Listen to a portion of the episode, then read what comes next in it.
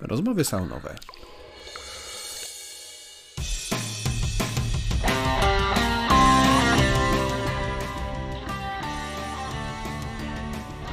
Witam w podcaście Sauna Grow. Nazywam się Bolek Drapella. Jestem przedsiębiorcą, menedżerem, inwestorem, a prywatnie ojcem gromadki dzieci. W życiu zawodowym pomagam firmom rosnąć mądrze, rozwijać się międzynarodowo i korzystać z dobrodziejstw technologii przy jednoczesnym zachowaniu ludzkiej twarzy w biznesie. Zapraszam do sauny. Porozmawiajmy o biznesie i nie tylko. Cześć. Dziś mam dla Was krótki, ale niesamowicie ważny element rozwoju każdej firmy. Temat komunikacji w zespole. Temat jest dość szeroki, ale dziś chciałbym się skupić e, na czymś niesamowicie ważnym i czymś, co jeśli wdrożycie w swoim zespole, to w bardzo krótkim okresie czasu możecie drastycznie zmienić i bardzo poprawić to, jak się komunikujecie w zespole. Słyszeliście pewnie o tym, że sposoby komunikacji mogą być synchroniczne lub asynchroniczne. Synchroniczne, czyli takie, gdzie odbiorca i nadawca komunikatu w tym samym czasie, czyli w sposób synchronizowany, muszą być w tym samym e, miejscu i czasie, lub to może nie tyle miejscu, ale korzystać z tego samego przynajmniej narzędzia.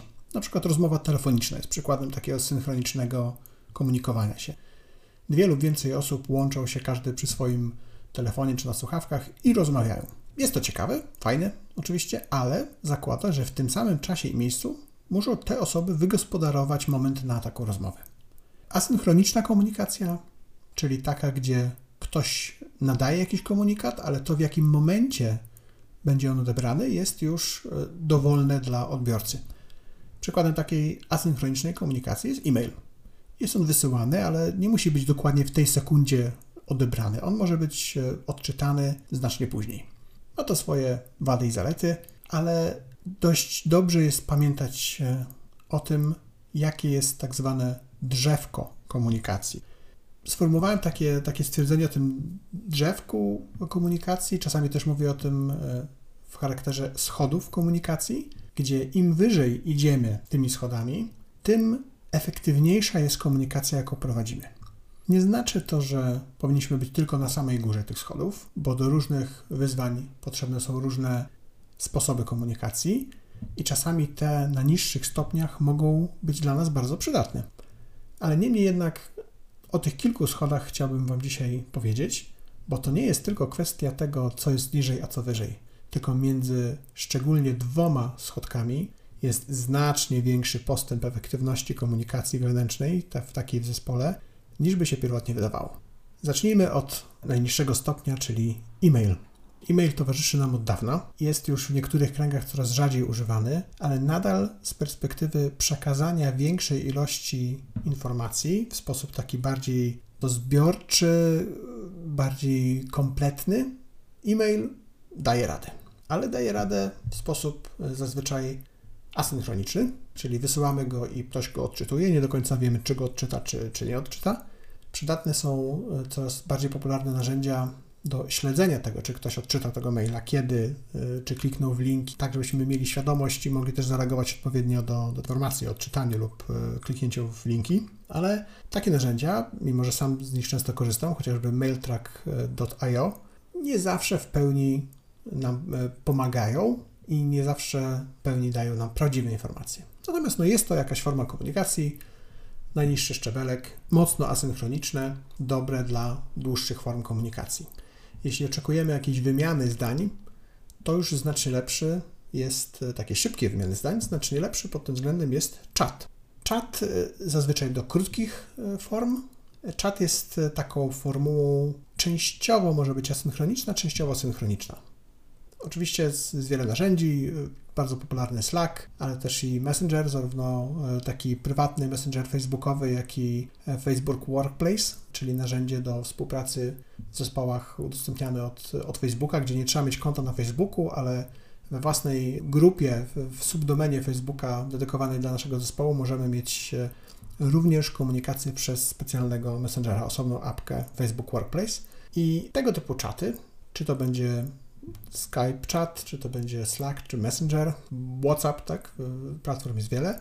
Tam jest dobrą taką, taką formą komunikacji dla szybkich wymiany myśli, dla takiej no, nieomalże dyskusji, ale jednak z elementem asynchronicznym. Kiedy natomiast czat nie działa i czego, w jakim momencie przestaje spełniać swoją funkcję? Przede wszystkim jak nam rośnie zespół.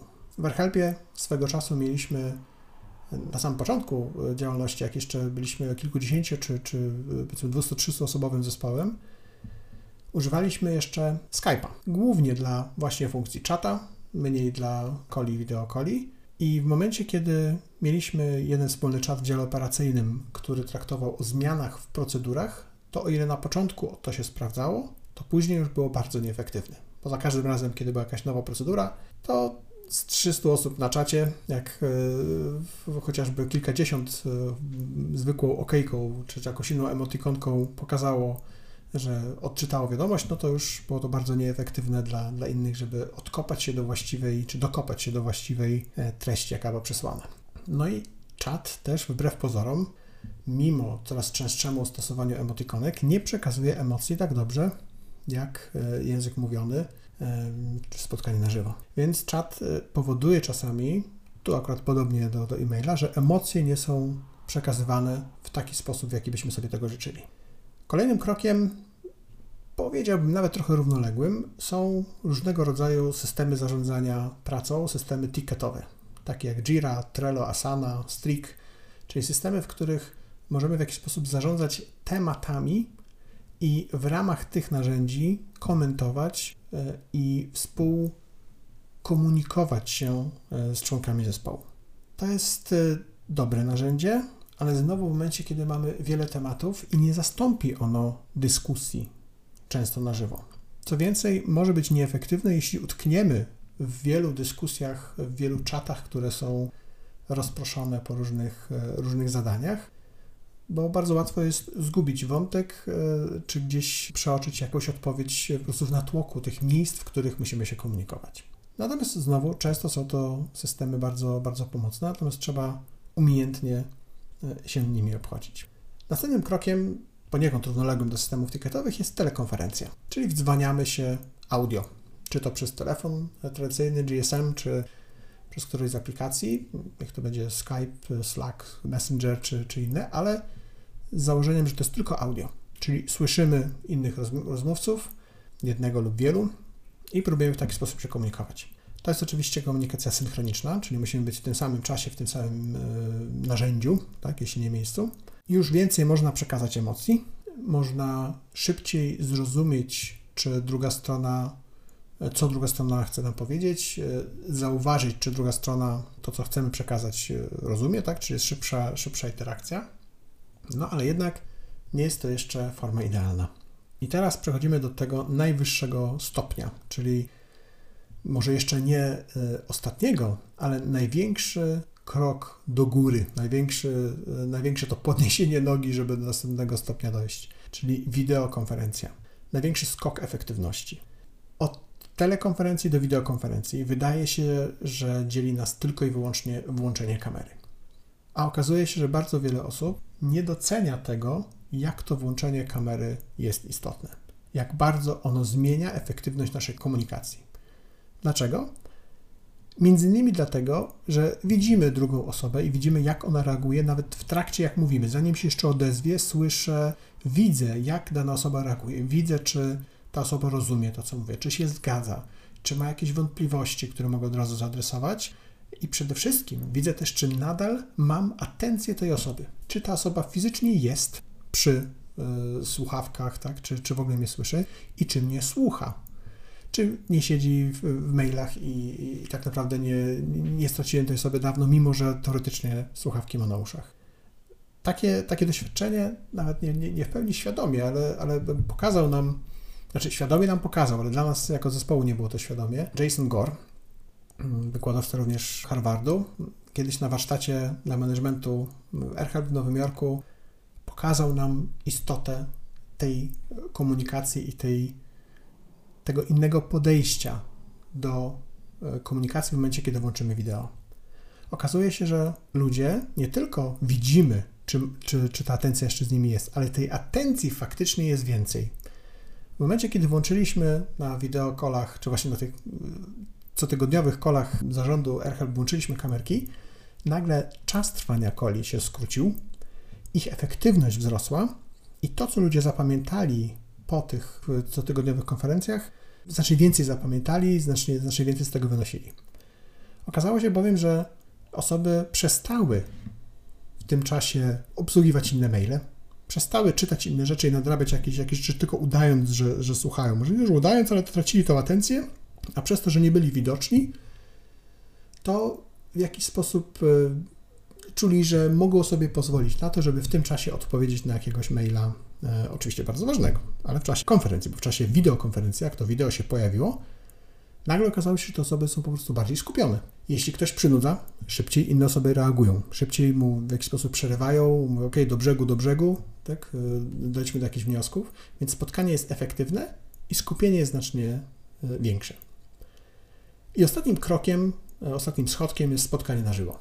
To oczywiście ma już to pełne spektrum tej komunikacji werbalnej niewerbalnej, natomiast no nie zawsze jest możliwe i również ze względów takich technologiczno-finansowych uzasadnione. Jeśli w przypadku zespołu e, managementu, zarządu AirHelpu mieliśmy na 8 osób, mieliśmy 5 różnych narodowości w zespole i 5 różnych lokalizacji na świecie, w których byliśmy, to siłą rzeczą na żywo spotykaliśmy się dość rzadko. Szczególnie teraz, y, w okresie pandemii, y, gdzie przywykliśmy do wideokonferencji, a odwykliśmy już od spotkań fizycznych i nagle się okazuje, że da się spotykać i rozmawiać przez wideo, jest większa szansa, że znacznie więcej zespołów, w których uczestniczymy, będzie chciało, mogło się z nami komunikować w taki sposób. Więc nie zmarnujmy tego. Wręcz wykorzystajmy to, co zmienia, zmieniło w naszym świecie ostatnie wydarzenia koronawirusowe, po to, żeby poprawić sposób i efektywność naszej komunikacji. Skoro nie zawsze trzeba, albo można, albo jest uzasadnione, żeby się spotykać na żywo, to róbmy wideokonferencję. I koniecznie wideo, znaczy z włączoną kamerą u wszystkich. To jest też rodzaj pokazania szacunku dla innych osób, z którymi rozmawiamy. Ale przede wszystkim znacznie większa efektywność, a więc i satysfakcja z odbywanych spotkań i z komunikacji. Włączcie kamery. Na podcaście trudno, ale w życiu zawodowym znacznie łatwiej. Miłego dnia. Podobał Ci się ten odcinek? Bardzo prosimy, oceń nasz podcast w Twojej ulubionej platformie streamingowej. Jeśli możesz, podziel się linkiem z tego odcinka w social mediach, np. na LinkedInie czy Facebooku. Dzięki temu możemy sprawnie działać i nagrywać kolejne podcasty. Z góry serdecznie dziękujemy za tak okazane wsparcie.